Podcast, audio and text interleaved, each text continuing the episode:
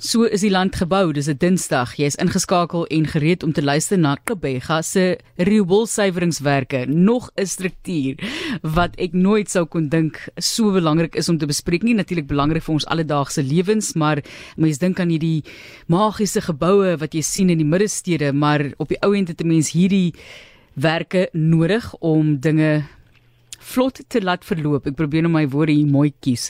Suid-Afrika se pionierswerk ook in geaktiveerde slykstelsels en ook die agtergrond van riolering en hoe ons dinge kan verbeter. Sy naam is Dawie Botha, soos jy nou al weet. Hy is 'n siviele ingenieur en hy was onder andere vir 19 jaar die uitvoerende direkteur van die SA Instituut van Siviele Ingenieurswese en as ingenieur is hy tans mede-voorsitter van Proset die Science Engineering and Technology onderafdeling van die nasionale wetenskap en tegnologie forum. Dawie, hoekom het jy vandag van alle dae vir ons die rioolsuiweringswerke sisteme van Kebega gekies? Goeiemôre, uh, Matelies en ek hoor julle praat van mense sit in 'n toilet en bel, maar ek wil net sê ek is nie in die toilet op die oomblik nie, hoor. Hoor dan jy mos nie ja. in Kebega nie. Sjoe. nee, ek het nou lekker gelag, hoor. Ehm um, dit is dit is miskien dood toevallig dat jy weet ons is nou so aan die einde van die uh uh die, Ooskaap se se praatjies en uh, ek wou tog maar 'n bietjie gesels oor die hoël uh omdat ons nog nie daaroor gesels nie en nou is dit menseregte dag. So dit is miskien toevallig dat ek gedink het om vandag daaroor te praat en ek sal nou net 'n bietjie verder daaroor verduidelik. En jy weet met kinders wat in pitriole val en die gebrek aan tekorte aan water in Suid-Afrika is dit dalk nou nodiger as ooit om weer te besin oor die maniere wat ons water gebruik en wat ons regtig daarmee doen soos julle nou ook sal hoor as verder in hierdie praatjie. Nou vir Gebega is dit 'n besondere gevoelige saak want die hulle het nie noodwendig genoeg water om spoelriole aan die gang te hou nie. En die mense het 'n bepaalde minimum vloei in jou riole nodig. Uh, anders gaan die goed begin vashak en dit is dit is 'n groot probleem. Maar goed, ehm um, die Fishwater Flats rioolsuiweringswerke daar langs die Swartkopsrivier aan die noordekant van die middestad is een van die baie grootes. Nou, dit is moeilik om dit te begryp of begrip daarvoor te hê, maar daar word so 200 miljoen liter per dag gesuiwer. En een van die groot uitdagings in daai spesifieke werke is ook dat hulle die vuil water van nywerhede en huishoudelike oorsprong en die moeilikheid kom want organismes hou nie daarvan om met ou olie verf van ander chemiese middels gevoed te word nie. Ek dink 'n bietjie wat mense alles in die hoofd het weggooi weg was is verstommend wat mense doen. Uh, want dit moet nou 'n maklike plek om goed weg te gooi. Nou as jy daar by die woordwerke gaan staan dan sien jy verbaas om te sien wat alles daar aan in in die uh, die woordwerke uitkom van valstandige kredietkaarte. En dit daar 'n storie vir 'n ander dag. Nou Die interessante ding is Suid-Afrika is een van die voorlopers van die heelsuiwering met die geaktiveerde slykstelsel. En ek het persoonlik ondervinding daarvan gehad want in vroeg 70's was dit my finale jaar skripsie se onderwerp. Dr. James Barnard het daardie by die Air die baanbrekers navorsing aan hierdie veld gedoen. En my taak was toe om 'n mini-model waarna ek verdunde melk gevoer het as voedselbron om die groei van hierdie organismes te meet baie interessante projek gewees. En 'n eenvoudige taal werk dit so, natuurlike organismes eh uh, dis in die water, dis goggies en kom maklik gestel. Eh uh, word met die toevoeging van suurstof gestimuleer om vinniger te vermeerder en natuurlik meer te eet en die onsuiverhede as voedsel te gebruik. Nou in die voorskalte rioolwerke word die rioolwater in groot betondamme gehou en dan word uh, daar 'n uh, eh, suurstof of lug ingemeng met reuse elektries aangedrewe propellers. Die watertemperatuur is ook baie belangrik want hierdie goggas hou nie van koue water en daarom is die stelsels noodwendig baie geskik vir vir uh, koue lande soos in Noord-Europa.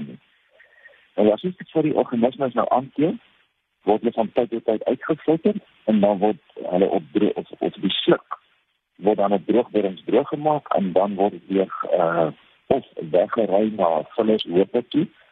Uh of dit word soms ook gebruik vir uh die mense. Die water gaan dan na verouderingsdamme toe. Uh en uiteindelik het suiwer genoeg om weer verder uitgelaat te word na 'n vuur of see. En net iets so terloops by die Wes het een van daai stelsels waar die die as 'n geslote stelsel uiteindelik uh, waar die die, die, die uh, rioolwater word weer in drinkwater verander. Nou mense hou nie daarvan om te hoor nie. Maar daar's 'n hele klomp plekke Pretoria het ook een van hierdie aanlegte byvoorbeeld. Nou een van die grootste afgeaktiveerde stelsels in die rioolwerk in Suid-Afrika was hier in die vroeë 70er jare in in Potchefstroom gebou, dit was ek as staatsingenieur daar En dit maar so terloops hier in Manie word 'n groot gedeelte van daardie gesuiwerde water uit uit 'n soortgelyke stel gebruik vir die bestuuring van skool, sportvelde, die golfbaan en parke. En anders die water is veilig nadat dit uh, uit daardie uh, werke gekom het om ten minste vir bestuuring te gebruik. Die groot koste van hierdie stelsels is natuurlik die elektriese motors en daardie propellers aan te dryf En een van die dinge wat nou heel natuurlik is, die krag af is, dan begin daar moeilikheid. Nou, so 'n bietjie verder oor oor hoe uh weg doen om dit te stel. My tyd by Southie het ek hard probeer om 'n bewusmaking te skep oor die aspek wat ek as onself beskou. Naamlik ons neem drinkwater en dan besoedel ons dit met menslike uitwerksels en dan probeer ons dit skoonmaak. En dit is 'n ding waar wêreldwyd mee gesukkel word natuurlik. Nou met met uh, beroepsleiding by kinders het ek altyd so dramaties vertel vertel wat ek vir hulle sê vertel van die mooi reendruppel hy val daar in die Drakensberg. En daardie kristalhelder stroompies vloei verder. Uiteindelik kom dit in die Vaalrivier en uitgepomp en gesuiwer sodat ons kan drink. En dan dink ek nog 300 meter hoog. Ons het nou die dag daarop gepraat in 'n ander program. En stoor dit reg was en dan kom dit jy huis en wat doen jy dan? Jy drink dit ook die groente daarin. Maar die ergste is dan dat jy in die toilet binne en jy spoel dit weg. Nou die meeste mense dink dit weg. Nou ja, dit is natuurlik nie weg nie. Ongelukkig sien jy dit nie meer nie, of miskien gelukkig. Maar dan begin die groot stryd met skoonpunt maak om weer drinkwater gebruik te word. Groot uitdagings uh, is daar om die fosfate wat uit die seeprodukte onder andere kom uit die water te kry.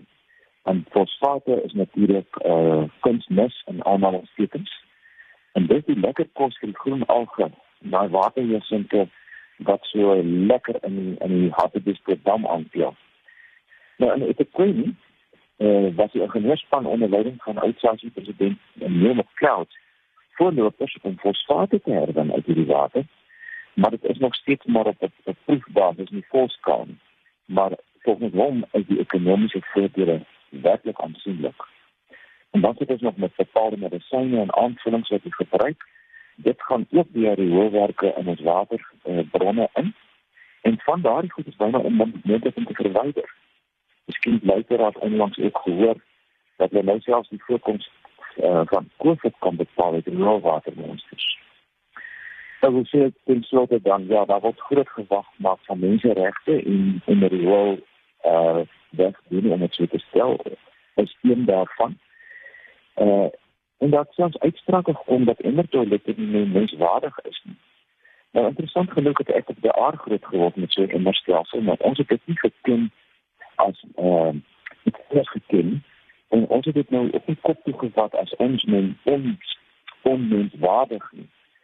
Ons het uh, baie jailsuit natuurlik gebruik, gebruik vir die mense, die ouer mense sal dit wel onthou en dit is al 16 toe ons spoeltoilet gekry het. Feit is dat baie sogenaamde droogtoiletstelsels wat goed werk en in Noorwe is daar selfs 'n dry toilet society wat navorsing doen hieroor.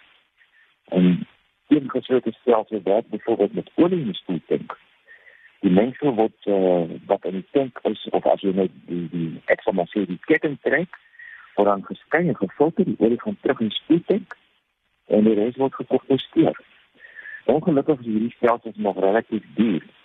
Maar ek sien 'n donker toekoms vir eintlik die hele planeet as ons nie gaan wegdraai van waterverspilling en spoelriolering. So die uitdaging is daar vir ons lees en die mense met die diep sakke. Jy kan nou maar hoe gaan ons wegdraai van spoeltoilette met water na droogstelsels wat menswaardig is. En ek dink so op menseregte dag is dit iets waaraan baie mooi moet aandink.